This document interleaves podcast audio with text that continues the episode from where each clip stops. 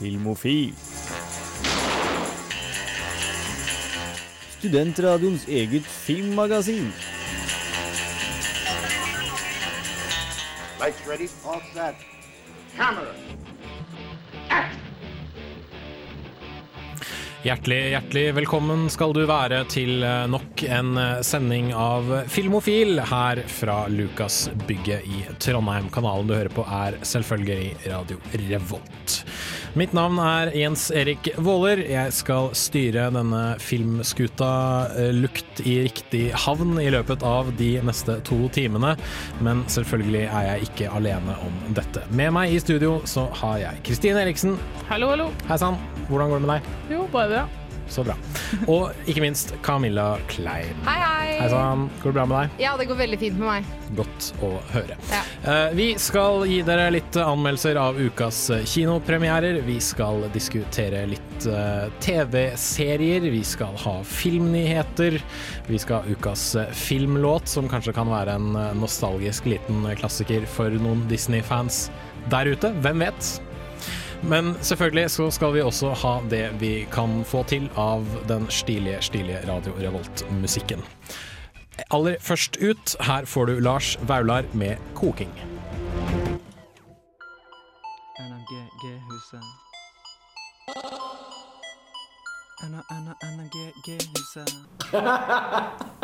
Jeg er ikke filmofil. Det er eh, likevel eh, vi, og vi skal ha filmnyheter. Filmofil gir deg nyhender fra filmen og fjernsynets spanende verden. Bare klikk på den. Bare klikk på den. Tekniker, tekniker! Jeg følte det passet. Jeg følte det passet. Det gjorde ikke det. Du må følge med. Kristine, hva har du av filmnyheter? Uh, ja, jeg har, eh, jeg har en liten oppfølgernyhet. eh, eh, 'Long Time Coming' Det er en oppfølger til eh, en liten film som heter 'Layer Cake' fra 2000. Som jeg vet ikke om dere har sett. Jeg har nok ikke sett den, men jeg vet uh, hva den inneholder. Og den, eh, den er da Daniel Craig som spiller eh, en sånn middleman i eh, narkotikamiljøet, og så havner det litt over his head da, i eh, mer eh, ja, skumle, skumle ting. Eh, og han Så blir han banka opp av Michael Gambon på et tidspunkt, gjør han ikke det? Ja, Til Duran Duran, hvis jeg ikke tar Ja. helt feil. Han, eh, jeg liker den filmen veldig godt, fordi den viser liksom hvordan Daniel Craig var før han ble Bond. eh, Hvor han nå er, da, I Layer Cake så er han liksom veldig sånn skeptisk til pistoler og sånne ting, så det er litt gøy å liksom se utviklingen. da. Og filmen er ganske ålreit. Uh, nå skal det komme en, endelig komme en oppfølger eh, som er basert på den neste boka i serien, som da heter Viva la Madness. Uh, skrevet av samme fyr. Og det er Jason Statham sjøl som skal spille hovedrollen som Daniel Craig tok i Layer Cake. Så ja, jeg vet ikke. Det blir veldig, en, en veldig annerledes eh, ja, tolkning av den rollen, tenker jeg. For da Eh, hadde du en som var litt våpensky og ja, sånn? og okay, ja, Daniel Craig jo- kan, han var ikke så buff som han var i Bond på den tida. Han var Nei. egentlig ganske tynn, Eh, så, så da var han litt mer forsiktig. Men jeg tror ikke Jason Statham kan forsiktig, Nei, det for å si tror det jeg sånn, så det blir veldig Jeg vet ikke, interessant. Han var jo ganske grei i, i Snatch, hvis jeg ikke Ja, helt feil. jo, og Lockstock, ikke der, minst. Nei, kanskje ikke, men han bruker, bruker ikke så veldig mye pistoler og sånt, hvis jeg ikke tar helt feil. Men, eh, Jeg tror han, Hvis han kunne komme seg tilbake til det nivået, så, så kanskje det funker. Fordi de, eh, han, han passer til rollen, egentlig, sånn rent utseendemessig, så kan jeg se han i den rollen. Men Kanskje. hvis han bare går sånn full crank, så ja, da blir det noe annet. lykke til uansett. Eh, Camilla, vi eh, skal innom bokserien vi alle elsker å hate. Det Yay! pleide å være Twilight før, men nå er jo ikke Twilight en ting lenger. Ja, nei, oh, litt, eh, litt lame nyhetsoppdateringer må vi ha også. Uh, om Fifty Shades of Grey, selvfølgelig. Uh, og der har de jo da bytta fra Charlie Hunnam til Jamie Dornan. Eh, og det her har da tatt også utsatt uh, releasedatoen lite grann. Oh. Men nå blir det passende nok på Valentine's Day. Cha, cha, cha, cha. Så du kan ta Your Sweetheart eh, for a movie and a dinner. Uh, litt sexy bang-bang og ikke måte på. Eh, det blir dritbra. Det er her riktignok i 2015, da, så det må fremdeles Det er en god stund til. Så da får vi masse å prate om i så mange år fremover. Åh, så mye glede oss. Jeg gleder meg ikke. Fra Fifty Shades of Grey til eh, noe helt annet. For eh, Marvel satser fortsatt tungt på superheltene sine. Altså Thor The Dark World har jo hatt kinopremiere for ikke så altfor lenge siden. I, 2014 ser vi jo Guardians of the Galaxy og eh, Captain America 2. Eh, og nå så skal den bringe en del sånn Kall det B-liste-superhelter til ikke TV-skjermen, men til Netflix. Wow. Uh, og det syns jeg er litt kult, fordi uh, det er da fire superhelter som hver skal få sin uh, 13 episoder lange serie. Eh, det er nemlig Luke Cage, som er en svart fyr med veldig store muskler og eh, ugjennomtrengelig hud. Det er Iron Fist, en hvit fyr som er jævlig god i kung fu. Eh, det er Jessica Jones, som er tidligere superheltinne og eh, privatdetektiv. Og ikke minst Daredevil, som ble Oi. forsøkt å lage en film om, som jeg syns er ganske undervurdert. Jeg liker den filmen. Jeg har ikke noe store problemer med den, det skal sies. Men det er veldig mange som ikke liker den, blant Ja. annet pga. Ben, Bennifer Affleck. Holdt jeg på å si. Ben Affleck heter han. Uh, men disse da skal komme til uh, Netflix i et samarbeid mellom Marvel og Netflix. Og ikke minst, uh, de skal få en svær sånn crossover-miniserie, hvor alle da skal møtes Herregud. i en sånn felles miniserie. Men, altså, har du lest noe av tegneseriene de her er med i, eller kan du noe om, Um, hvor mye det er å ta av for å fylle 13 episoder per pers? Liksom? Altså, alle disse her har vært en god stund i Marvel-universet. Okay. Luke Cage og, eh, um, og Iron Fist dukka opp en gang på 70-80-tallet, tror jeg. Ja. Så de har en god del historie. Og eh, alle er sånne eh, De er sånn det man kaller street level-superhelter. ja. Eh, de, eh? Der Avengers eh, fikser opp når eh, store superskurker eh, truer verden, så er det disse gutta som går rundt og banker opp eh, liksom veskenappere og eh, liksom bankranere og sånt noe på bakkenivå. Da. De tar liksom de små Skjønner. jobbene. Eh, så det her tror jeg kan bli sånn kult som en sånn, der, ja, sånn street level superheltserie. Men er de, vet du om de er, altså, de er jo på et annet nivå, som du sa, men er de noen gang borti de store, liksom? Det er, ja da. det er Eh, Luke Cage vet jeg har vært medlem av The Avengers. Ok. Uh, eh, Daredevil er jeg ikke så sikker på, men han har hatt en del sånn interaksjon med Spiderman. Nå er ikke Spiderman i eh, det offisielle Marvel-universet på film, men eh, hvem vet, kanskje. Uh, så jeg tror dette her er en sånn Jeg tror det kan bli en kul satsing mot det å liksom bare plutselig en dag bare bringe alt sammen i en eneste stor kaos av en film. Det vil i hvert fall ja, berike de som ikke leser tegneseriene. Nettopp. Eh, og ikke minst, det har blitt avslørt hvem som skal få lov til å være med og skrive noen av disse herlighetene. Uh, Drew Goddard skal få lov til å stå bak Daredevil-serien.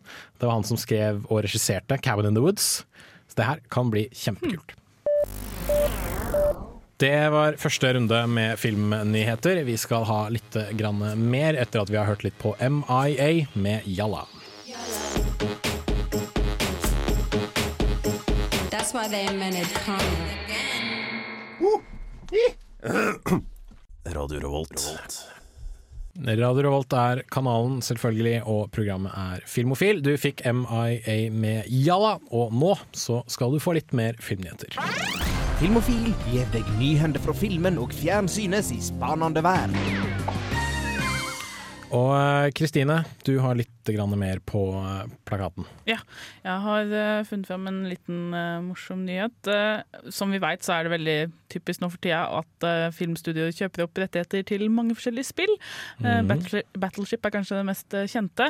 Og nå det nyeste i den trenden er at mobilspillet Temple Run har blitt kjøpt opp. av Det er nok Warner Brothers som står bak det her. Og ja For de som ikke de- spiller det, så, han, så skal du bare som sagt løpe fra sånne rare skapninger som ja, løper etter deg ut av et, et tempel. Da, Temple Run. Så dette er litt sånn altså, så Det er spillversjonen av den scenen i Indiana Jones hvor han blir jaget av den digre Ja. steinkula som kommer rullende etter Ja, han. ja, Bortsett fra at det er et slags apeaktig dyr som løper istedenfor. Hvordan, hvordan i pokker skal de gjøre dette her til en underholdende film? Tja Nei, altså Det det eneste jeg kan forestille meg, at det blir noe à la liksom Indiana Jones meets uh, Uncharted-spilla meets uh, Tomb Raider meets liksom Alt det der er liksom Ja. det samme. Ja, Alt det der er det samme. Altså, Men det blir jo i en av de, da. De velger sikkert en av de, og så tar de estetikken fra den. Og, så bare sier de vi kaller det Temple Run. ja, Ja. det blir nok det. men- Alt for å tjene penger, eh, Hollywood.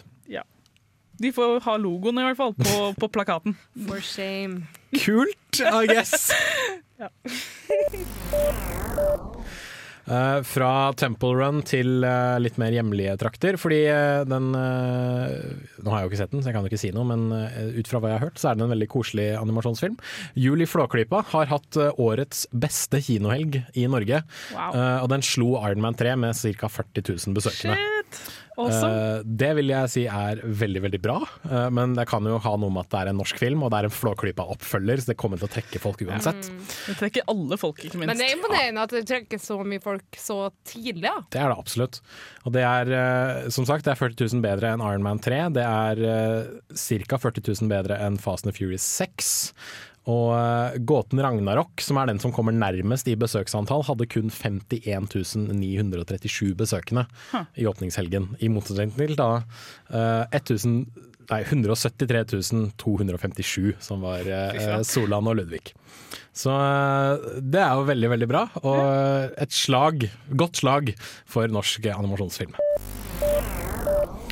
Og eh, fra eh, animasjonsfilm til eh, nerdefilm så er det to veldig kjappe nyheter om henholdsvis Star Trek og Star Wars. Yes. Uh, Star Wars eh, 7 uh, er nå bekreftet. Premieredato er 18.12.2015. Jeg blir, jeg blir redd igjen når, sånne, når vi får sånne faste datoer så Mhm. tidlig. Altså, det er skummelt. Det er veldig veldig spennende. Kan jeg ta en liten tilleggsinformasjon om Star Wars Day? Det kan du få gjøre. Jeg ser at eh, Star Wars eh, episode 7, eh, 'Accepting Video Editions', Å, What herregud. apart, står det et spørsmålstegn. Eh, sånn at eh, Du skal sende man, inn med en gang. man kan sende inn med en gang. Man kan gjøre det, man kan gjøre det absolutt. Så uh, go for it. Og de eh, ung kvinne til å spille 17-18 år må være vakker, smart og atletisk. Mann. Eh, ung mann, 19-23 år, må være vakker, smart og atletisk. Så da vet dere det. Deres vakre, smarte og atletiske kan bare sende, sende inn deres audition-tip Yes. Eh, fra Star, Star Wars til Star Trek. Uh, nå ryktes det at Joe Cornish skal få lov til å regissere Star Trek 3. Oi. For de som ikke kjenner til Joe, Joe Cornish, han er bestekompisen til Elgar Wright. Og har laget den fantastiske sci-fi-filmen Attack the Block fra 2011. Så dette her tror jeg kan bli veldig spennende, og langt bedre enn JJ Abrams. Det var slemt. Det driter jeg i. Jeg. Jeg tar de potshots jeg kan få ta. Uh, vi gamper videre til ukas kinopremierer etter at du har hørt El Fata med Champion Sound. Champion.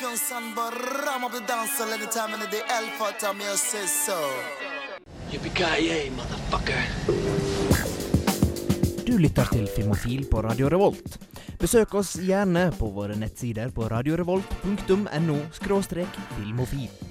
Der finner du meldinger av kino- og videopremierer, og i tillegg podkast av alle våre sendinger. Har du ris eller ros, tips eller triks, kontakt oss gjerne på elektronisk post. Filmofil, krusedullalfa, radiorevolt.no. We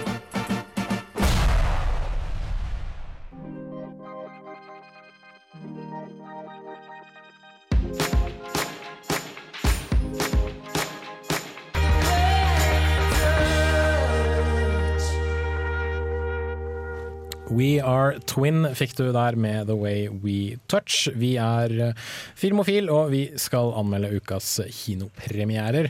Først ut er eh, dokumentarfilmen The Act of Killing, som du, eh, Øyunn Gorseth, har vært og sett på kino. Ja, det er det. Hvordan, altså, Den dokumentaren her er jo litt spesiell. Fortell hva det handler om. Eh, filmen handler om uh, en eh, Altså, også, også er jeg tatt tilbake til Indonesia. Uh, og oss får da se en gjeng som blir um, en, ja, en gjeng som, som drepte tusenvis av kommunister fordi at det var en, en million kommunister som ble uh, myrda på 60-tallet. Eh, og den gjengen her, den de lever fritt. Og, og de skal da på en måte gjenskape sine, noen av drapene sine de gjorde på den gangen. På et, en veldig grotesk måte. Så de lag, altså Det er en dokumentarfilm om at de lager en fiksjonsfilm, da, på en måte. På en måte. Det høres jo litt sånn Det høres jo litt sånn sterkt og grotesk ut, eh, dette her. Altså Mennesker som er litt sånn De er stolte av at de har drept en million mennesker. Hvordan, hvordan fremstår det i filmen? Eh, det fremstår at eh, ja, at, at var, de trodde virkelig at det her var det eneste rette, at kommunistene var jævla. Men samtidig så virker det som de eh, på en måte vet at det de gjorde, var gale. Fordi du får en litt sånn derre For eksempel han ene hovedkarakteren, han, han forteller om når han eh, Ja, han, han prøver å liksom Han har prøvd å drikke, han har prøvd å bruke dop for å glemme det. Men samtidig så sa han at han, så i, han satt i kinosalen, så en propagandafilm som ble vist til unger, eh, om at de måtte drepe de kommunistene. Og da satt han og var stolt over hva han har gjort. Så det er, eh, altså, som, du, som vi nevnte, mens, eller som vi snakket om da låta spilte her, er jo at i Norge for eksempel, så hadde jo ikke disse menneskene gått fritt i det hele tatt, og i hvert fall ikke blitt dyrka som helter, som de kanskje blir i, i hjemlandet. Så altfor langt ifra. Er det, hvordan er det å se dette her, da? Det er tungt. eh, Det er vanskelig, fordi jeg sitter her og, og liksom Jeg skjønner ikke helt at de kan på en måte framstille, dem, altså framstille drapene så lett og eh, ledig som det de gjør. Og, og jeg skjønner ikke Så jeg, jeg skjønner det ikke helt. Eh, Og den er lang. Filmen er ganske lang. Mm. Så, mm. Hvordan er det disse gutta blir Altså, hvordan er det de representerer seg selv i filmen? Eh, de er en, en lystig gjeng, egentlig. Og de, på en måte så framstår de det som om eh, Ja, de er veldig stolt over det de gjorde, og at de gjorde det med glede. På en annen måte så, så får du på en måte se noen, noen fragmenter av anger. Eh, og at de, han ene han brekker seg når han får, får liksom besøkt en av drapsplassene og sånn. Så du, du får jo litt begge deler, men det er jo, du, du får jo ikke noe sympati, akkurat. Nei. overfor den. De er fæle mennesker, rett og slett. Ja, det mm. Men altså, blir, altså, de blir jo intervjua, regner jeg med. Uh, hvordan er, altså, forklares det noen gang i filmen hvorfor de bestemte seg for å bli med på dette her? Um, egentlig ikke. Eh, eller jo, du, du får en forklaring med at myndighetene var eh, De var bare imot kommunistene. De trodde at kommunistene på en måte trua deres eh, levemåte, da, og, og, og sånne ting. Um, så du får Det er liksom Hva var spørsmålet? Altså, hvorfor er de med på dette her? Hvorfor eh, lar de seg bli med på en sånn type film? Ja, jo, det er vel egentlig for å eh, Det virker som de bare vil at ingen skal glemme hva som skjedde, men også det at å få folk til å forstå at det de gjorde, var til det beste. Jøss, det høres ganske spesielt ut. Men du så nevnte jo at filmen kanskje var litt lang. Hvor lang er den til syvende og sist? Um, den er Nå sjekker vi på internett her. Um, ja, ca. to og en halv time. ja, to og en halv time. Den er, den, den er veldig lang, altså. Mm. Fordi du, og derfor jeg har på en måte ikke gitt den en topp-terningkast heller. Fordi at eh, midt i filmen så detter det ut på et punkt fordi den er så tung å se på. Og derfor, da, da går den jo litt imot sin hensikt, da. Um, fordi, ja, fordi det er jo også viktig å få med seg slutten, egentlig. Som kunne ha kutta den. Kunne vært mer virkningsfull om den hadde vært litt kortere. Mm. Mm. Men hva, åssen blir det med terningkast til syvende og sist til The Act of Killing? Uh, jeg vil gi den en firer. Sterk eh, firer, eller bare helt sånn midt på treet? En sterk firer. Ja, det, så den er verdt å se, i hvert fall. Ja, absolutt. Det er veldig viktig å få med seg, tror jeg. Gode greier. Vi går videre. Her får du Broen, She Will Never Shiver.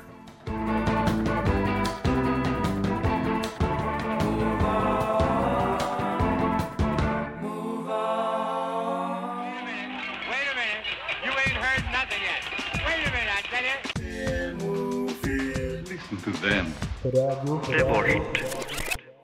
Broen der altså, She Will Never Shiver. Og før det så snakket jeg og Øyunn Gårdseth om eh, den eh, nye dokumentarfilmen eh, The Act of Killing, som er å se på kino fra og med fredag. En annen film fra en ganske så stor regissør som er å finne på kino på fredag, er The Counselor fra ingen andre enn Ridley Scott. Eh, jeg er veldig glad i Ridley Scott, sånn stort sett. Ja, det, er ikke alt han har vi- gjort, det er ikke alt han har gjort som er innertier, men eh, stort sett så er han en relativt god filmregissør. Mm. Absolutt. Så da får vi se hva Kristine har å si om The Counselor. Life is being in bed with you. Everything else is just waiting. Will you? Yes, I will. I intend to love you until I die. Me first. En film med velkjente skuespillere som alle spiller litt sære eller voldelige karakterer, i en film der plottet er mer komplisert enn den den trenger å være. Alt regissert av en respektert regissør. Hvilken film beskrev jeg der? Det kan være mange, men akkurat denne gangen er det Ridley Scotts nye film The Counselor. Spørsmålet er om den er en av de få slike filmer som overbeviser, eller om den drukner i egen vittighet. The Counselor spilles av Michael Fassbender, en advokat som inntil nå har holdt seg på rett side av loven, men vil så prøve seg på litt narkotikasmugling. Han slår seg sammen med Javier Bardem, Brad Pitt og Cameron Diaz. Hvis ikke det er nok stjerner for å regne denne filmen med i trenden, så kan vi legge til Penelope Cruz som Fassbenders elskede. Selvfølgelig går ting skeis nesten med en gang. The shipment. It's gone. I had a call from our business partners. These people are out 20 mil. They think we're all involved, don't they? No. Just you, counselor. You. They don't believe in coincidences. They've heard of them, they've just never seen one. Jeg skal absolutt ikke erte for mye, for selvfølgelig skal man hyre de beste skuespillerne man får tak i, og Fassbender er som hånd i hanske som advokaten. Brad Pitt fortsetter sin karriere som sær, voldelig, men likende kriminell, og Cameron Diaz får deg virkelig til å mislike henne som den creepy, overseksualiserte elskeren til Javier Bardem. Karakterene er på mange måter originale og fascinerende. Men for meg så var ingen av de virkelig tredimensjonale. Fanger de ikke interessen din med en gang, kommer du nok til å kjede deg.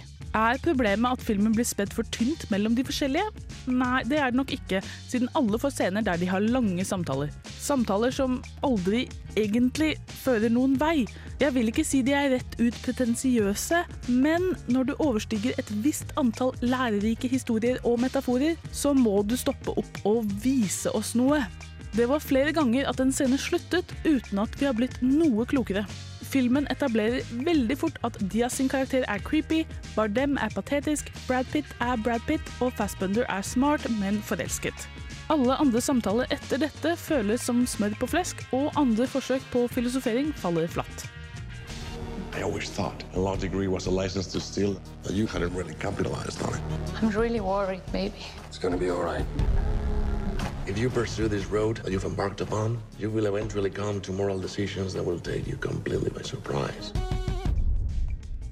Med slike filmer er ofte plottet like viktig, så kanskje det er her The Counselors egentlig styrke ligger. Fra starten blir vi lovet noe voldelig. Dette er tross alt skikkelig skumle kartellfolk vi har med å gjøre, men filmen er dessverre for smart for sitt eget beste. Filmen mangler en ekte trussel.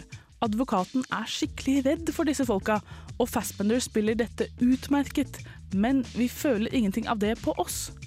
De eneste actionscenene er utrolig kjappe, og selv om de ser skikkelig stilige ut, er de følelsesløse. The Counselor virker som den prøver å gjøre én ting, men bruker virkemidler best brukt til andre ting.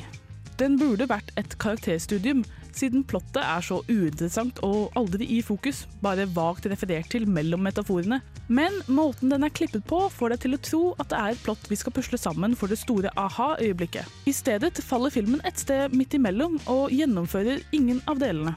Kanskje fungerer The Counselor bedre etter andre visning, siden man da er klar over hva man går til. For en kinoopplevelse var den fin å se på, men underholdt ikke. Selv ikke Fassbender og Brad Pitt kunne holde spenningen oppe. Terningkast to. You are the world you have created. And when you cease to exist, this world that you have created will also cease to exist.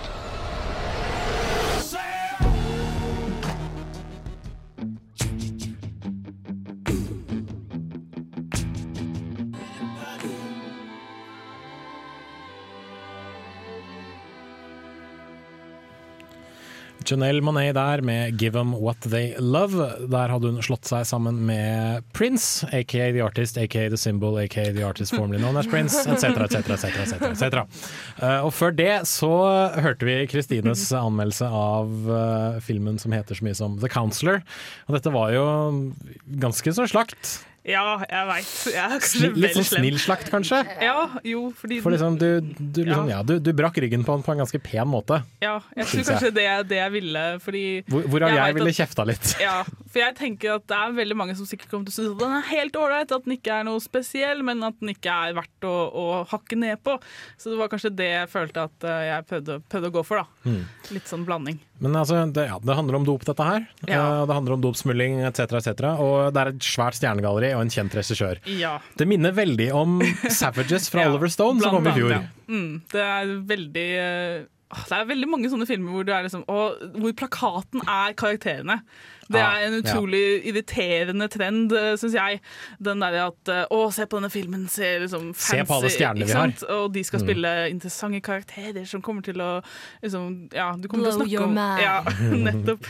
Og dette her funker bare ikke på samme måte. Savages eh, likte jeg ganske godt. eh, og den Jeg vet ikke hva den gjorde som var så bra, men den hadde i hvert fall Altså hver scene hadde en konsekvens, eller drev historien framover, som jo, du skulle kanskje tro at det er poenget med filmen, eller alle filmer, at hver scene skal liksom Men her i The Counselor så er ikke det sant. Da er det mange scener hvor de har en lang samtale, og så er den ferdig, og så satt jeg og tenkte ja, OK. Det var, det var en scene, og den kunne vært plassert hvor som helst i hele filmen.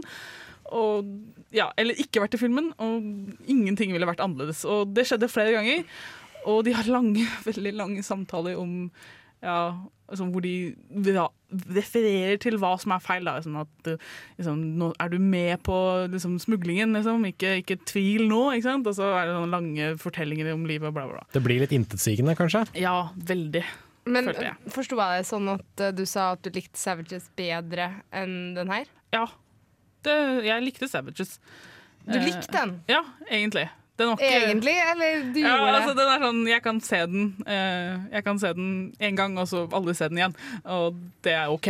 For den syns jeg var så lame, liksom. Okay. Så hvis den her er lamer Den er det, er så er lame. jeg skikkelig Absolutt. Ja, hvis du ikke No! likte Savages Ikke Men- si det Men nå må, vi jo, stygge nå, ordet nå, må, nå må vi også gjenta det at både jeg og Kristine likte ikke trans. Ja. men det- av, Det var på den- litt, litt av ja. samme grunn som Kristine nevner for å ikke like The Counselor akkurat nå. Det er Ja, men jeg syns ikke Jeg syns ikke Åh, Faen, skal ikke begynne med Ja, trash? Jeg bare oss det. Jeg vet det, men det var jo ikke som jeg digga den. Jeg ga den Jeg en ikke at du svak digga den. Vi har ingen Vi bryr, vi bryr oss ikke om hva du syns om den akkurat nå, Ok, greit. for å si det rett ut. Men poenget var at jeg fikk veldig mye av den samme følelsen når jeg satt og sånn her, eh, som jeg, som jeg fikk når jeg så Trans, og det var det at disse folka her er ikke så interessante som de tror de er. Og det åh, Gud, jeg ble Men så ok, frustrert. jeg, vet, jeg vet det der med at eh, som, som anmelder så må vi være litt sånn se på filmen liksom, og bare liksom konsentrere oss om det. Men jeg er en partisk person akkurat på det der. Jeg er veldig dårlig til det. Eh, det er sånn som jeg så Stand Up Guys. Jeg klarte ikke å ikke like den, for at jeg er Ja, men alle har jo alle har det, sånne Og det som er når at du har stjernegalleriet som du har i denne filmen her, og du har Ridley bak roret, så er det vanskelig for meg å skulle se for meg å gi noe så dårlig karakter som du gjør. Altså, det har litt med å gjøre at nettopp jeg er veldig glad i Ridley Scott, og jeg er veldig glad i alle disse her som er med.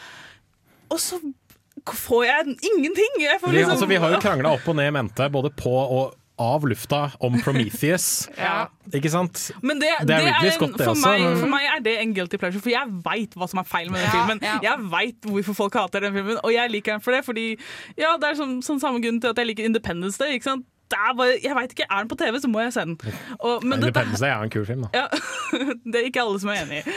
Men, eh, men med The Counselor så følte jeg liksom Ja, den er veldig bra lagd og fancy klippet, og disse karakterene er vel Ja, de er vel kule, men jeg syns ikke det. Jeg synes Det mangler på underholdningsverdi. De faller flatt for meg. Åh, jeg å. Spesielt uh, Javier Bardem tror jeg kanskje var den verste, for han ser ut som sånn en mareritt fra 90-tallet. Han har så godt av å spille han patetiske, som du nevnte at han var. Ja. Altså, det, Han spiller godt, jeg men vet det, men altså, han det har bare går, på, går meg på nervene, Vi har blitt superbortskjemt på hvordan vi tar eh, Javier Bardem, og Ja. derfor så tror jeg at det er godt for oss å se han i en annen Tror vi rolle. er superbortskjemt på de aller fleste. Det er derfor det er kult å se Benicio del Toro i den scenen i slutten av Thor 2. Sier nå jeg bare.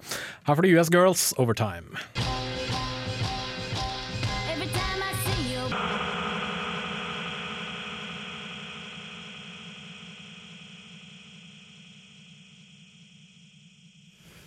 US Girls der altså, med låta Overtime. Uh, før det så snakka vi litt grann om The Counselor, som fikk en terningkast to av eh, Kristine. Vært, ikke verdt å vente på, holdt jeg på å si. Eller Uff, Nei, det er sikkert mange som kommer til å like den her. Det er, det er sikkert bare meg. Men uh, vår anbefaling er i det minste vent til uh, Netflix. video- eller Netflix-greier. Men kommer du til å gjøre det? Kommer du ikke til å se den på kino? jeg kommer nok til å se noen andre filmer på kino før jeg ser The Counselor. Det var ikke spørsmålet mitt. Spørsmålet er om du kommer til å se den på kino. eller Nei. Jeg tror ikke noe på det. Det er så mye annet jeg må se. Jeg må se Solan og Ludvig, jeg må se The Act of Killing, jeg må se eh, Hæ? Gravity må jeg få sett. Mm. Jeg må, det er mye rart jeg må få se før jeg ser The Counselor. I hvert fall når den kommer så langt ned på, på lista. Uh, en annen film som har premiere på fredag, er den svenske filmen Vi er best. Uh, nei, jeg skal ikke prøve å si det med svensk uh, dialekt, for det klarer jeg så absolutt ikke. Eh, den har jeg fått lov til å se på, og den høres sånn cirka slik ut.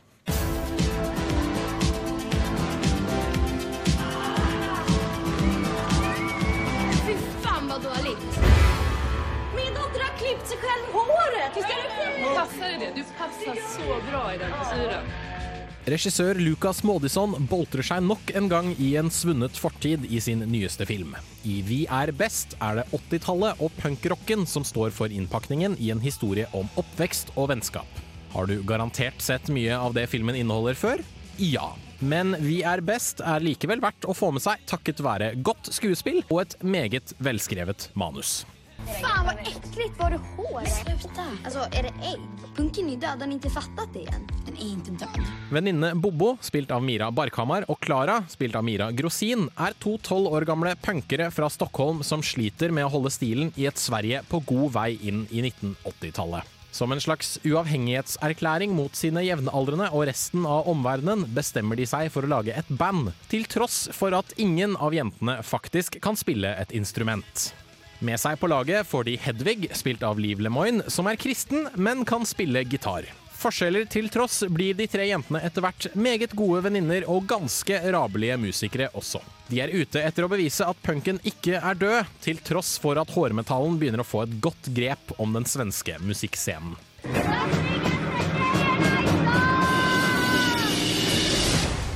Skal inte spela? Det kan vi visst det. Jag kan inte spela bas och du kan inte spela trummor. Det fattar inte hon orkar uppträda när alla bara buar åt henne. Jag kom på en grej. Så vi tänkte fråga om du vill eh, om man kanske spela med oss. Filmen føles som de fleste oppvekstfilmer vi har sett før, men jentenes punkerholdning og den gjennomførte tidskoloritten gir Vi er best et par ekstra strenger å spille på. Sverige på 80-tallet er meget godt representert, og de tre hovedpersonene føles alle som ekte tolvåringer som tror de kan alt, men som egentlig vet veldig lite. Manuset er velskrevet, og skuespillet naturlig og uanstrengt. Mira Grosin trekker uten tvil det lengste strået som Klara. En evig malstrøm av bedrevitenhet, karisma og uendelig masing. Hun er vanskelig å like, men Grosin treffer spikeren på hodet og spiller rollen fullt ut. Hvis hun vil, kan hun gå langt som skuespiller i årene fremover. Det er så jævla mye røk her inne. Han vi är inte tolv. Nei, men det er vel for faen ikke jeg heller. Jag är inte 12, jag är 13. Bara för att det var jag som bokade Ja. behöver det väl vara jag som också tar tvätt? En gjennomført dokumentarisk stil bringer oss nærmere hovedpersonene og lar samtidig regissør Maudisson leke seg med utallige filmreferanser. Se annet etter en lengre scene som er hentet rett ut fra Stefan Jarls Mods-trilogi. Dessverre mangler handlingen en skikkelig rød tråd for å skape en ordentlig helhetlig sammenheng. Her er det større fokus på forholdet jentene imellom framfor et større overhengende plott, og filmen føles langt mer episodisk enn den burde være. Runt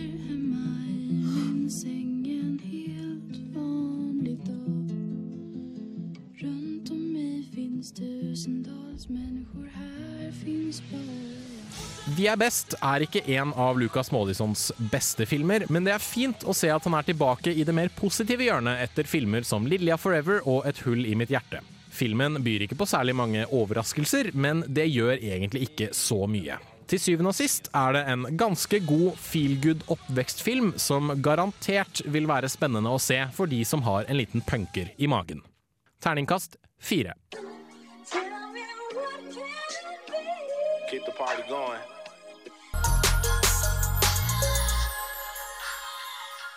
For et program i burra med både klasse og stil. Du hører på Filmofil. Dom Kennedy og Dominic eh, hørte du før eh, vårt tidligere medlem Gaute Eliassen eh, sa at vi var et program med klasse og stil. Eh, Og før det så anmeldte jeg den svenske filmen Vi er best fra Lukas Maudisson, som jeg lurer på om noen her i studio har et forhold til sånn i det hele tatt. Nope. Ingen?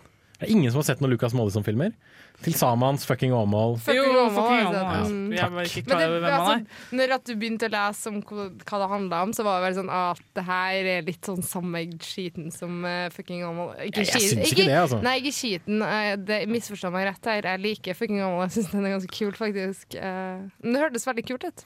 Altså, den har jo litt sånn fellestrekk ved fucking Åmål. altså, Fucking Åmål var veldig rota i ja, liksom det tidlig 2000-tallet. Og liksom Mm.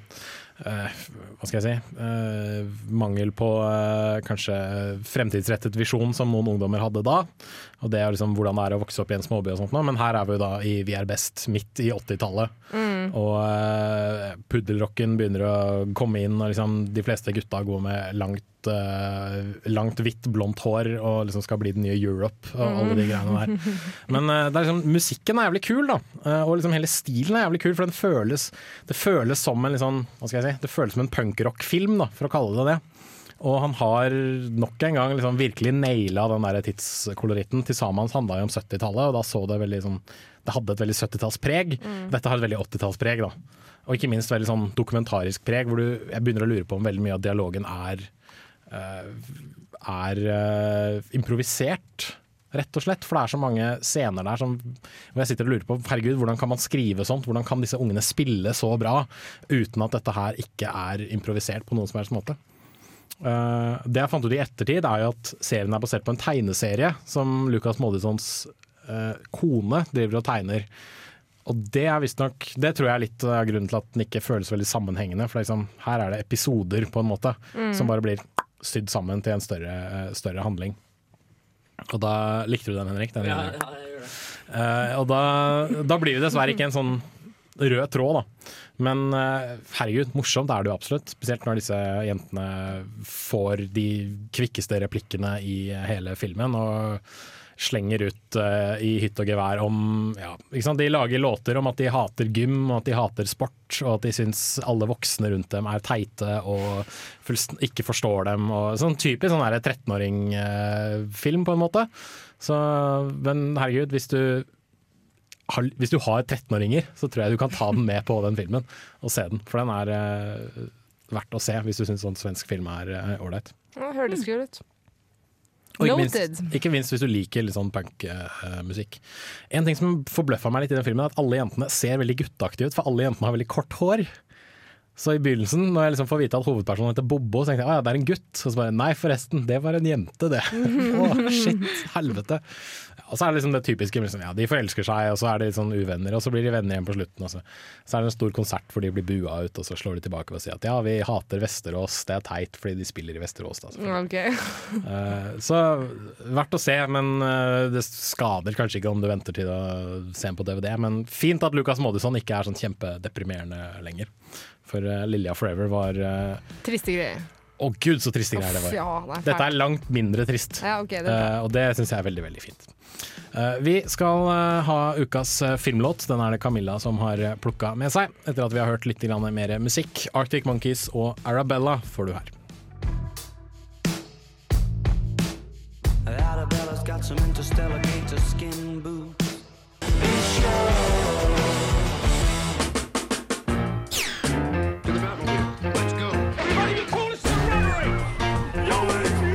Dette er Filmofil. Film, fjernsyn, skuespillere, kamera, action. Ja, rubb og stubb her på Radio Revolt. Play it once, Sam. Det er jo alltid å ha musikk når den er påtent. Helst noe indisk eller pakistansk. Ukas filmlåt. Det stemmer, vi skal ha ukas eh, filmlåt. Du hørte forresten Short Skirts med Some People Light Fires. Uh, og det passer faktisk litt greit inn i eh, hva ukas filmlåt handler om. For den er det du som har tatt med, Camilla. Yeah, man. Ja, og vi skal til eh, Vi skal til Disney. Yes. Vi hadde en diskusjon her uh, før sendinga starta om Disney er best på norsk eller på engelsk. Mm. Og da, Det var litt sånn varierte svar til slutt, kom vi fram til. Altså, jeg tror du og jeg har litt samme forståelse av at vi har sett dem i første omgang på norsk. Og derfor, men at derfor er det noen vi foretrekker å se på norsk, men i all hovedsak så går det greit å se på engelsk også. Det passer bra. Mm. Mens Kristine derimot Ja, for jeg, jeg har aldri sett dem på norsk. Så, ja, noen har jeg det i seinere tid, eh, men da jeg var liten, så var det engelsk all the way. eh. So so international. Nei, men altså, det var bare fordi vi, bo, vi gikk på, på engelsk skole og hadde da Det var logisk for å hjelpe oss å lære, rett og slett. Disney er veldig, veldig flink til å Altså veldig god til å ha som, som språklærer, rett og slett. Det Mm. gjør jeg nå i seinere tid òg, når jeg skal lære fransk. Så ser jeg ofte Disney-filmer på fransk. Funker veldig bra. Men uh, hvis noen viser en Disney-film for deg nå og sier at de har lyst til å se den på norsk, Uff, det er så ille. Det er, jeg får helt noia. Virkelig? Alle- alle sammen? Er det helt jævlig for deg? alle, Ikke alle. Noen er, noen er ikke så ille, men jeg husker liksom vi hadde Disney-kveld, og, og vi skulle se jeg tror det var 'Løvenes konge', og jeg fikk helt sånn Hvem er disse folka? De, de virker helt fake for meg når jeg hører dem på, på så uvanlig For jeg har jo sett disse filmene hundre ganger, og så plutselig skal de ha andre stemmer. Det er ikke som, det er ikke som noen bruker dem som, som marionetter liksom, og la, later som de som spiller 'Løvenes konge' eller noe. Det- De er jo på en måte marionetter, da. Ja, Men altså, men du skjønner hva jeg mener. At det, det er en en- annen person som har tatt og leika seg Det er en av de tingene som jeg foretrekker med å se på engelsk. også. De bruker som regel originale stemmer til karakterene, i motsetning til eh, norsk, som bruker, har veldig mye gjenbruk av stemmer. Det er veldig mye karakterer som går igjen igjen. Veldig mange Eh, skuespillere som går igjen, ja. Ja, skuespillere som går igjen i de forskjellige stemmene. Sånn at eh, den er jeg helt enig i. Men eh, altså, noen kommer alltid til å være bedre på norsk for meg. Og det er Lille havfruen, for eksempel. Sissel. Kyrkjebø, Hun mm. er Lille havfruen. Og ikke minst, eh, som vi to var enige i, Ja. Disneys Robin Hood Yes. med Øystein Sunde som han Mm. derre haneskallen. Det må jeg si, altså. Det er krem, altså. Nei, virkelig. Øystein oi, som det går! Det, det, det, det flyvende paraply! Er det noen som styrer denne flyvende paraplyen? Men vi kan, vi kan i hvert fall være enige i at vi kan se Fantasia uten problemer. Ja, det kan vi. Der er det jo ikke noe Det er språk. liksom, ja. Men uh, ukas uh, låt er fra en Disney-film. Ja, det Var er vel det jeg skulle fram til til syvende og Vi skal tilbake til 60, 1967. eh, og det her var en film du sa at du ikke hadde likt så veldig godt eh, i barndommen. Var det sånn? Nei, det var skjønnheten, du som sa det var det? skjønnheten og udyr jeg ikke var noe glad i. Ja, barndommen. Jeg, hadde, jeg likte alltid live action-filmen bedre for en eller annen grunn. Jeg vet ikke, jeg tror Visuelt så var den mye vakrere å se på. Den er veldig fin. Men eh, jeg syns også tegnefilmen er helt, helt fantastisk. Og den har noen av de beste sangene fra Disney-universet, i min mening. Uh, og filmen jeg snakker om, er selvfølgelig Jungelboken, eller The Jungle Book. Uh, jeg husker, altså jeg så den ikke da jeg var yngre, men jeg husker at jeg hørte på Uh, lydbokversjonen, eller jeg hadde en sånn Mhm. kassettversjon Mm. av, liksom, en kassettversjon av Disney-filmen. Ja. Noe som var veldig veldig spesielt. Jeg, ha- nei, jeg hadde jeg òg. Ja, vi Det hadde det ikke også, spesielt, kom sånn plingelyd når du skulle blæ om. Selvfølgelig. Ja. Men i hvert fall ehm, Og akkurat den her er da når King Louie, eh, orangutangen, synger til Mowgli at han vil lære seg å lage ild. Eh, og det grunnen til at jeg valgte akkurat den her i denne filmen som har så ekstremt mange gode låter, er rett og slett fordi det er den som har mest uh, jazzy, scatty. Uh, så jeg elsker den sangen her, og det er en skikkelig feel good-låt. Uh, så uten å si noe mer nå har jeg sagt faktisk, så trenger jeg ikke å si noe mer. Uh, så vil jeg presentere I Wanna Be Like You. Av Louis Prima. Ja. Now I'm the king of the swingers, oh, the jungle VIP. Say do da ba ba ba da doodle da da da da da. Det er vel på slutten her at Baloo, det er på slutten her at Baloo blir Avslørt. avslørt, ja, som ikke-apekatt. Han har vel satt en kokosnøtt på nesa eller noe sånt. nå. Nei, kokosnøtt på popsen. Sånn var det. Og et bastskjørt. Han snakker, han snakker også med ned, kokosnøtt. Han snakker også med kokosnøtt over, over uh, truten. Ja, det har han også putta, faktisk. Ja, det er sant, det. Men grunnen til at jeg sa at den der short skirts med Some People Light Fires funka, passerte inn, er fordi at uh, Louis vil jo at uh, Mowgli skal lære han hvordan han lager ild. Ja. Fordi ild er tydeligvis nøkkelen til å bli menneske. Ja. Av en eller annen grunn. Gud, nå vet jeg hvordan jungelens logikk fungerer. Nettopp. Er Disney rasister? Ja, litt. Ja, men vi elsker Men dem for det. Fra det til noe helt annet. Videonytt. Nytt i videohylla. Rykende ferske digitalfilmer som du kan ha i din heim. Det stemmer. Det er Videonytt, og en gang i uka så går vi inn på eh, release.no og sjekker hva som er ute i eh, butikkene den kommende uken. Eh, For de som er TV-interesserte, så er det en relansering av Deadwood sesong 1 og sesong 2. Det anbefales. Veldig, veldig kul serie. Den nydelige animasjonsfilmen Ernst og Celestine er ute på DVD denne uka. Den er absolutt verdt å få med seg. Eh, Hobbiten er å få tak i i Blu-ray 3D-disk-jalla-versjon. jeg, jeg tror ikke det er sånn utvida versjon. Kommer det noen gang, Kristine? Jeg veit ikke. Det burde det. Jeg, har, jeg kan godt sitte og se fem timer med det greiene der. Altså. Jeg har ingen, ingen skrupler. Nei, tydeligvis ikke. Men Og fem timer, virkelig. Sist, men Å, ja. ikke minst Harry Potter. Alle filmene på Blu-ray. Ja. Ikke i boks, da. Hver for seg. Hver for en seg. Ja. Men det finnes det en sånn der samle Ja, men jeg vet ikke om det er Blu-ray. Blu-ray-boks? Jeg vet det Blu-ray. Finnes en DVD-boks, så vidt jeg vet. Det vet jeg. Det mm. Nei, det burde være Jeg tror nok det er på begge deler. Det som irriterer meg, er at den der nummer fire ikke, ikke er samme format som Altså utseendemessig. Den, den vil jo se helt rar ut på hylla di, liksom. Det, Den vil se helt rar ut på hylla di. Godt, godt poeng. det irriterer meg. Du har liksom alle åtte filmene, og så er det én som, Det- som bare stikker ut. Som bryter estetikken, det ja. er utrolig Ja, det er eh, fryktelig, fryktelig Men jeg tror greit. ja, Men jeg er litt enig. Altså, estetikk i hylla er det som skal til. Det er litt derfor jeg arrangerer bøkene mine etter høyde. Ja, ikke sant? Det jeg også. Det er det? Jeg gjør det. Jeg gjør det. Men, okay, men kan jeg spørre om et spørsmål her? Tar dere og color coordinate eh, filmene deres, eller Nei, Nei, dere de går etter, etter sjanger, og så etter farge. Eh, hos meg så går de etter uh, sjanger og så litt regissør. Mm. Fordi hvis det er én regissør som er litt sånn innenfor samme sjanger hele tiden, Mm. så går filmene etter hverandre. Kevin Smith sine filmer de går etter hverandre Ja, ja. kronologisk.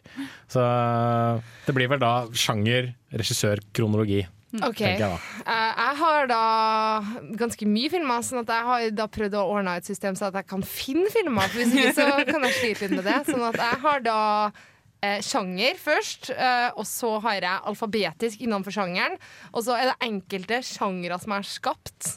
OK. Jeg har lagd f.eks. Oscar-sjangeren, Ah, som er rett og slett. Eller Best Picture-sjangeren, rett og slett. Og så har jeg lagd sånn Og så enkelte regissørsjangere. Jeg lagde meg en eh, basert på tegneseriesjanger. Hmm.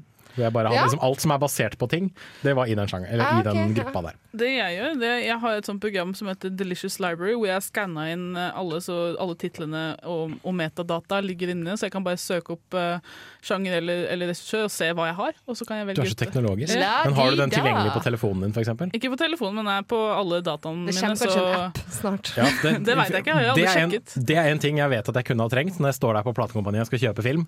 Og så spør jeg meg Ja, selv har jeg har jeg denne her, Det er eller har jeg bare sant. sett den? Det er veldig, veldig, Det er veldig sant. Altså, sånn, ha, jeg har jo ikke en liste lett tilgjengelig. Jeg kan liksom ikke dra en liste opp av baklomma. Nå nå I veldig, veldig mange tilfeller så tar du og kommer i en situasjon hvor at du har sett på den før så mye at du har tenkt å kjøpe den, og så kanskje du klarer å innbille deg neste gang At du du er at faktisk har du kjøpt den. Ja. Mm, Dritkjipt. Ja, dritkjipt. Uh, tilbake til videoen ditt, for det var det vi snakka om. Uh, skrekkfilmen 'Stitches', som handler om en uh, drapsdemonklovn, er eh, ute på DVD denne uka. Den så jeg på Kosmorama. Den er relativt morsom. Ah. Ja, hvis du, men da kan du se Stitches, for da får han eh, litt eh, tilbake for, det han, for at han er en klovn. Og ikke minst sesong 1 til 3 av Veronica Mars, som er en av verdens beste TV-serier, eh, spør du meg i hvert fall. Nei, jeg kødder ikke. Veronica Mars er dritbra. Best, Altså, sesong, tre, sesong tre er kanskje ikke sånn kjempebra, da, men sesong 1 og 2 av Veronica Mars, knall-TV. Virkelig, altså. Det er verdt å se. Ingen som er enig med meg. Altså, jeg har ikke sett Henrik det. er enig med meg. jeg Tekniker Henrik er jeg enig. det er Gleder deg til. Veronica Mars-filmen, Henrik. Jeg liker Ja, ideen, men jeg har bare ikke tatt meg tid til det. Det er for dårlig. Jeg, synes det, nei, jeg har sett den sånn sporadisk når det har gått på TV-en, og jeg Mm. tilfeldigvis har vært på riktig kanal, og jeg syns det er litt artig, men eh, en av verdens beste serier er helt sykt drøyt. Jo, jo, jo, altså. virkelig. Det er en av de beste TV-seriene som fins. Absolutt. altså. If you say so. Ja, det sier jeg. Uh, ellers, hvis du er litt sånn Lego-interessert, så er det noen sånn ninja-greier ute på DVD, og så er det noe sesong seks av Mad Men, hvis det er interessant uh, for deg. Men uh, jeg, vil, jeg vil fortsatt være litt sånn i Harry Potter-land. Jeg syns vi kan snakke litt om det etter at vi har hørt litt mer musikk. Fordi eh, vi må jo selvfølgelig spille litt Trondheims band. Her får du nemlig Osk med låta The Gesture I Just Made Means I Love You på Filmofil på Radio Revolt. I was no one that you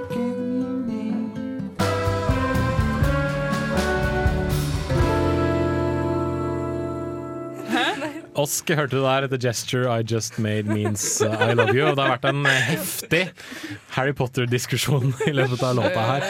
Og, eh, altså, altså, ja, siden alle filmene kommet ut igjen på eh, Blu-ray i løpet av denne uka, må man, må man jo selvfølgelig spørre seg selv hva er egentlig den beste Harry Potter-filmen. Og Henrik svarte jo veldig radig under låta at det er nummer tre. Ja, det er jeg ganske enig i. Av, av Alfonso Cuaron. Du får snakke inn i mikrofonen Ja, jeg Henrik, hvis du har noe å si. Bare med på stikket. Dette er kvalitet. Nummer tre, The Prisoner of Azkaban. Det er kvalitet 50. Ja, de, er, de er voksne nok til å være ordentlige skuespillere, og den er regissert av- som en drøm. Og det er bare Men den har problemer òg, da. Den scenen hvor Jo, han- selvfølgelig. He was their friend! Ja, og så kan det sies at uh, det er da den første, første filmen med Michael Nei, hva heter det? Michael Han som spiller, spiller Dumbledore. Uh, Michael Gambon. Ja, akkurat. Og det var så sykt nedtur for meg som Han Potter-fan. er ikke en god, god Dumbledore. Han, absolutt ikke. Og det var også I tillegg så har de gjort om Altså De to første hvem, ah, Jeg mista alle navnene. Richard Harris. Første, nei, ikke, ikke Dumbledore. To første filmene regissert av Christopher Columbus. Ja, selvfølgelig. Og så nummer tre så tok igjen over. Alfonso Cuarón. Ja. Bra film. Veldig sånn Jo, jeg kan kanskje si meg enig i at det er eh, den beste filmen, men som en fangirl absolutt, absolutt, absolutt ikke. For de gjorde om hele, hele liksom eh, Hogwarts. De gjorde om, liksom. De tok the grounds og bare gjorde det til en bakke. Mm, det er sant. det er en sånn ting som plagde meg så sykt. Mm. Fordi at hvert fall sånn, når jeg leste den boka, så kunne jeg se for meg når de sprang rundt der og så på seg sjøl. Jeg så hele den der, Det var film i hodet mitt, liksom. Så når at jeg faktisk så det på film, så var jeg så sykt lei meg, for det var bare helt feil. Å, nei.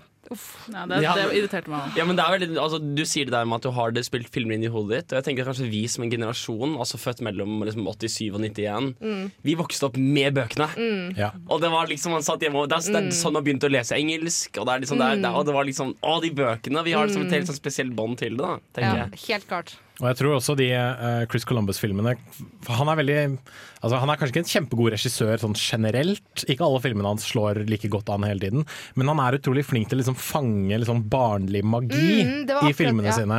Og det er de to første filmene, filmene veldig gode til. Altså får du liksom tredje filmen, ny regissør, Alfons Cuarón, alt er liksom så mye Altså fargepaletten Ja. er mye mørkere og kjipere og Ja. dystrere. Ja. Det samme er hele tonen i filmen, men sånn er det kanskje litt i boka også, Og så har de gjort det om, for at det, det er veldig sånn gammelengelsk i all hovedsak. Det er den Mm. følelsen du får i bøkene. At det skal være litt sånn, De skal ha på seg kuttene sine og hattene sine hele tida. De går i sivilklær, skal du si. Men jeg vil si at bok to er ganske mørk, den òg. Altså, det er Jo barn som Jo, men- blir angrepet, jo, den er- den er- og det er blod på veggene. Ja, og det er, ja. er- Kyllingblod, da. Den er, den er mørk, den er mørk, men den, det er fremdeles liksom Jo, men den er, er altså, toeren, er- toeren er mer skummel enn mørk, på en måte. Ja, jo, ser den. Mens det blir, bare, det, det blir genuint mørk utover i bøkene. Ja, og tonen liksom bare stuper nedover ja. som liksom et fly på vei til å krasje. Og jeg tror også vi som, eh, som eldre, da, i hvert fall eh, oss kjerringer, er veldig glad i treeren pga.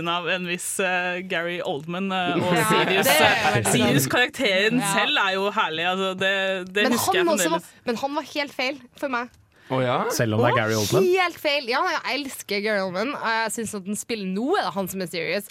Men når jeg så de trea, så var alt feil. Altså, som, jeg vet ikke hvor gammel den var, jeg vet ikke når den kom ut, men det var sikkert i 2000 et eller annet. 2005 eller noe sånt. Kanskje. Mm. Eh, I hvert fall da var det her feil for meg, på alle mulige måter. De, de to rollene jeg syns de virkelig liksom, traff spikeren på hodet på, det var altså, han første som spilte Dumbledore, Richard eh, Harris. Mm. Eh, han, han er den beste Dumbledore, han er mye bedre enn Mark Gammon. Mm. Og han som spiller altså Brendan Gleeson, som spiller Mad Eye Ja. Moody i nummer fire oh, mm. Han har Mm. øyet som spretter i alle retninger. Han, fordi han er utrolig flink til å spille sånn gammal, bitter, sur, liksom, Men òg David. Tennant som Barty Crouch jr. Altså-. Ja, men den er så liten, han får liksom ikke gjort Ja, men det han skikkelig sånn gjør, impact, er, er tenker jeg da. veldig Jeg husker han veldig godt. Jeg er helt enig, han er veldig gal. Han er veldig gal. Ja. Oh, Og, hun, og hun som spiller, hun uh, Umbridge. Yes! Umbridge! Ja! Det går begge! Jeg hater henne så jævlig! Men, yeah. men jeg, jeg har en ting til som var feil med treeren. Og det var at uh, Hermine sitt hår var ryddig og ja. pent. Og Ja, det skal stå ja. Hun skal ikke Ja. være en nice looking lady før hun kommer ut i scenen Kan- i fjerde filmen. Kan det, eh, ha, og kvinne. Ja. Men kan, kan det ha noe med at de ikke liksom de, de, Altså, jo, uh, Emma Watson var en ganske søt 11-12-åring da liksom, Mm. de spilte i filmene første gang. Det kan hende at de ikke så for seg at hun kom til å se så smashing ut som hun gjør nå. Crushy, crushy. I don't care, altså, Emma, Emma Watson er en nydelig kvinne. Det er hun Ja, på alle måter. helt sant. Eh, så det kan hende at de ikke liksom så helt for seg at de, hun kom til å se sånn ut etter hvert som filmene gikk. Ja, en ting til som de ikke så for seg, var antageligvis at eh, Harry skulle ende opp med Ginny. Og at eh, hun da De, de tok ikke og casta en pen nok jente, egentlig. i utgangspunktet. Ginny er ikke så verst, altså. Ja, men hun skal- Nå- nå hun skal du- være- hun skal- Hun skal være dritnice på slutten av uh, Skal hun være det? Nei, Ja, skal jo hun ikke være jo- det. Alle gutta er jo hun sant? alle, alle dritkeen på Ja, liksom, sant, å snakke om. Og, og hun, skuespilleren er altså, Beklager, mm, du får overhørt det her. Beklager, Jimmy-fanboys. Eller, ja, for så vidt. Mm. Så det. Men uh, en siste ting før vi går til låt, som er et litt sånn radikalt forslag. Eh, kunne det vært en idé å remake alle de filmene? Om 20 år. Ja, senere. Om Sånn lenge. at, liksom, ja, sånn at tonen og liksom Ja. helheten er mer konsekvent Absolutt. enn det det er nå. 10 år, tenker jeg, mellom der. Så lenge til? Ja, eller ikke så lenge, fordi vi lever i et moderne ting. Så ti år, kanskje. Det eneste som jeg ser som en negativ greie med det, er at de vet at det er en sånn stor greie, så de kommer til å være veldig sånn pretty hunters. Ja, de kommer til å bare Ja. søke Ja. etter eh, Mm. er- Twilightifisering ja, av, eh, for, for Harry pene Potter, folk, nesten. Ja, det tror jeg er dumt. Fordi altså, det er jo ikke alle som er kjempepene i Altså i Harry Potter-filmene, sånn, egentlig. hvis du- De er veldig flinke til å finne folk som er liksom De er britisk pene. Ja, eller bare, de er bare vanlige ungdommer Ja. som det vil gå på en del av på Mm. en skole. Og ikke alle vil være superstars. Definitivt. Vi får eh, håpe at de ikke gjør altfor stor Twilight-greier ut av det, i hvert fall. Her får du Torgny, grønn ekstra.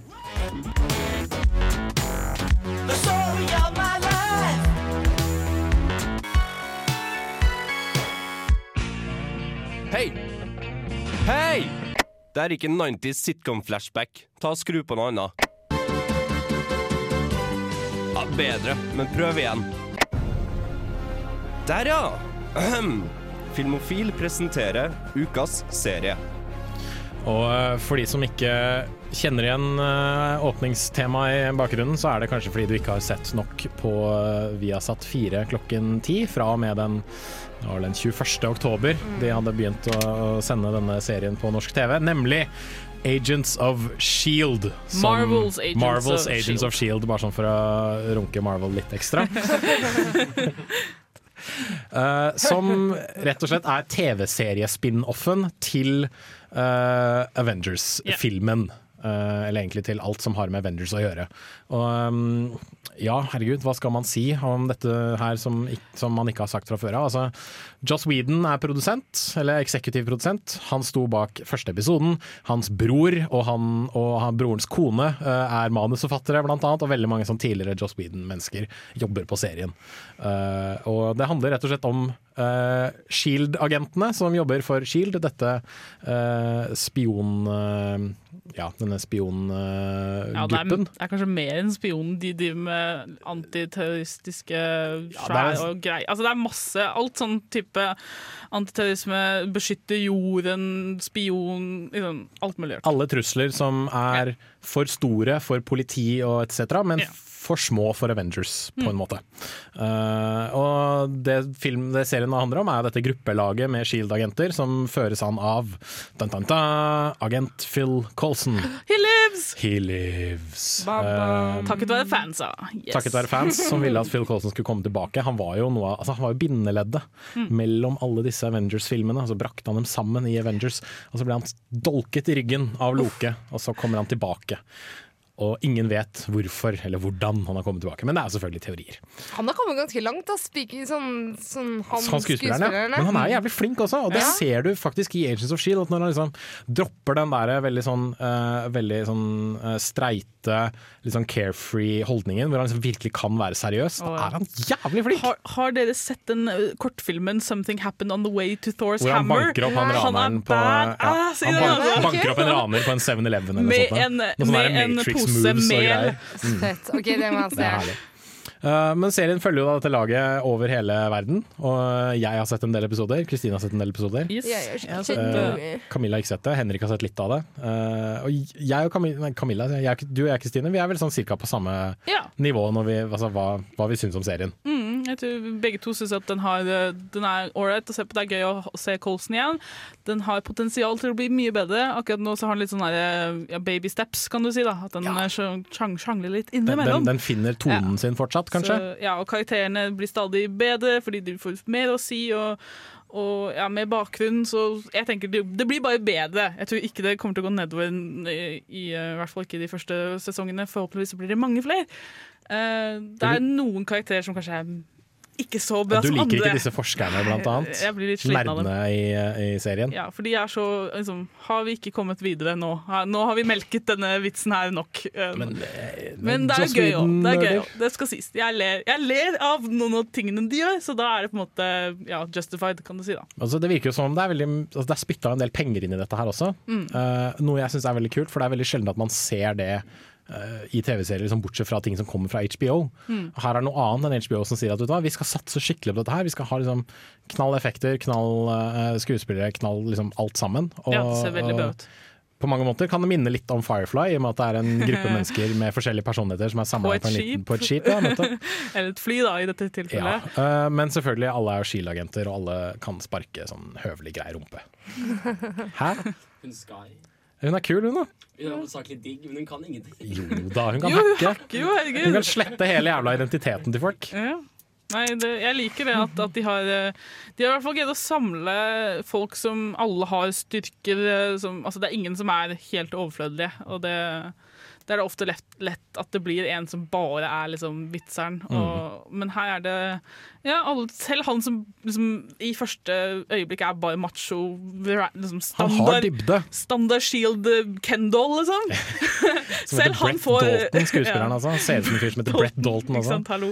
Men selv han får bakhistorie. Han, kan, liksom, han, er, han prøver å være litt sånn Bond-aktig med at han kan liksom flere språk, han har kontakter overalt i verden. Og, ja, jeg liker det. Mm. Det er en uh, stilig serie som er absolutt verdt å se hvis du liker uh, ja, spionserier eller tegneserier eller uh, sånn globetrotter-serier eller uh, whatever. Så bare å følge med på Viasat 4 framover. Her skal du få Sassy Beat, Turn Around.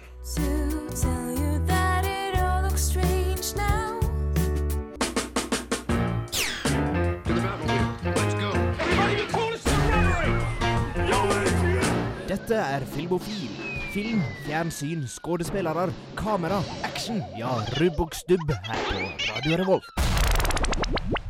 Dent May fikk du der med låta Let Them Talk fra plata Warm Blanket. Eh, Og vi går dessverre litt mot slutten, men før den tid så var det snakk om noe hjemmelekse til denne gangen. Jeg har vært Ja. litt sånn ute av eh, Jeg- loopen eh, på en stund. Men, Jeg ga en hjemmelekse forrige uke, og jeg sendte melding til dere som ikke var her, så det var ikke sånn at dere måtte ha hørt på episoden for å, for å få det med dere. Okay, da. Men jeg sa at dere, måtte se, eller burde se, Young Frankenstein, eller Franken, Frankenstein, som han liker å bli kalt. For han er jøde, altså. Eh, I, nei, men altså, I filmen, siden Frankenstein er jo et jød, Ja, nei, det er bare fordi at han ikke vil ha kobles noe- til Frankenstein. Skjønner. Eh, Det er en 1974-film av eh, Mel Brooks, som er kongen av parodier, vil jeg si. Vil jeg påstå. påstå. Absolutt. Og du har da ikke sett den, men har du sett den før? Nei, Nei. det har jeg ikke. Men Camilla, du gjorde hjemmeleksa di! Stjerne i boka! Yay! Jeg har til og med sett den før, så det var et veldig trivelig gjensyn uh, for min del. Det er en av mine absolutt favorittkomedier i hele verden. Sånn Ja. at jeg var, jeg var kjempeglad når jeg fikk beskjed om at jeg var hjemmeleksa. Herlig. Ja, det er et eller annet med Young Frankenstein som ja, Vi kan jo si fort at det handler om eh, barnebarnet til den originale Frankenstein, som eh, prøver å unngå å bli assosiert med han, men feiler når han drar tilbake til Transylvania for å, for å ja, lese opp eh, Det er vel uh, vitne Altså Han har arva Ja, arve- huset til eh, bestefaren sin. Ja, og så finner han bøker og sånne ting hvor det er detaljerte beskrivelser av hvordan å gjøre det tragiske eksperimentet. Og hvor altså. at han vanligvis eh, Eller han gang på gang har sagt at My grandfather was a crazy lunatic who thought it was possible. Så kommer han og så leser han skriftene her, og så er det sånn It is possible! og det er, eh, det er Gene Wilder som spiller her. Og han, han spiller så Han er bedre nesten i den her enn i Willy Wonka and Chocolate Factory. Og, og det, no, det sier noe, fordi han er helt fantastisk i den filmen her. Og måten han litt alive! Det er, det er ikonisk, nærmest. altså. Ja, det er faktisk det. Og du trenger ikke ha sett det altså Den parodierer jo Frankenstein og The Bride of Frankenstein. Mm. men du trenger ikke ha sett dem, Fordi det, her, det er egentlig en historie i seg selv. Den er bra som en helt egen historie. Og det, det er veldig gøy. Men altså, det spørs om altså, Historien er jo god, for så vidt, men det er jo artig fordi at den er så artig. Ja, den er, altså, den er den er, det er karakterene og alt sånt der som gjør det helt fantastisk. Ja, det er et eller annet med parodien som du føler at du er tilbake til originalkomien. Mm. Ja. Han tar jo og gjør det i svart-hvitt, bare for å beholde liksom, den samme type følelsen. Så det, det var hjemmeleksa. Neste ukes hjemmelekse kommer fra meg. Uh, It's a doozy. Men det er en Oh. film jeg syns er ganske kul, ganske stilig. Fra en av eh, de mer kjente autørene innenfor filmens verden, nemlig David Cronenberg. Uh, filmen, heter, filmen er basert på en bok av David, William S. Burroughs og heter så mye som Naked Lunch. Ah, Naked Lunch. jeg Nå har tastes det på tastaturet Jeg har hørt om den. Jeg tror kanskje Jeg husker ikke om jeg har sett den. Eh, Den er neste ukes hjemmelekse. Jeg er veldig spent på å høre hva dere har å si om den ah, ja. Er den fra 91? om en uke. Nei. Uh, jo, Ja, 91. jo, jeg har hørt om den, men jeg tror ikke jeg har sett den, så det blir spennende. Se Naked Lunch neste uke, så snakkes vi eh, da. Um, og det var vel egentlig det vi hadde av Filmofil for denne gangen. Um, ukas kinopremierer har vært Vi er best, Act of Killing og Counselor. Counselor, som fikk uh, terningkast fire, terningkast fire og terningkast to. Ja. Yes, uh, Ukas serieanbefaling, Agents of Shield, verdt å få med seg. Uh, og ellers så er alle Harry Potter-filmene ute på Blu-ray. Neste uke er semesterets siste, siste sending, så vi har litt fokus på uh, filmåret som har gått. Hva har vært bra, hva, har vært dårlig, hva er verdt å se uh, mot jul. Og ikke minst, det er min uh, siste sending av eh, Filmofil på en stund. Men kanskje jeg kommer innom som gjestepersonlighet. Det blir en liten roast av uh, Jens Erik Aall Larsen. OK. Uh, vi avslutter med Darkside Paper Trails og hørs om en uke. Turn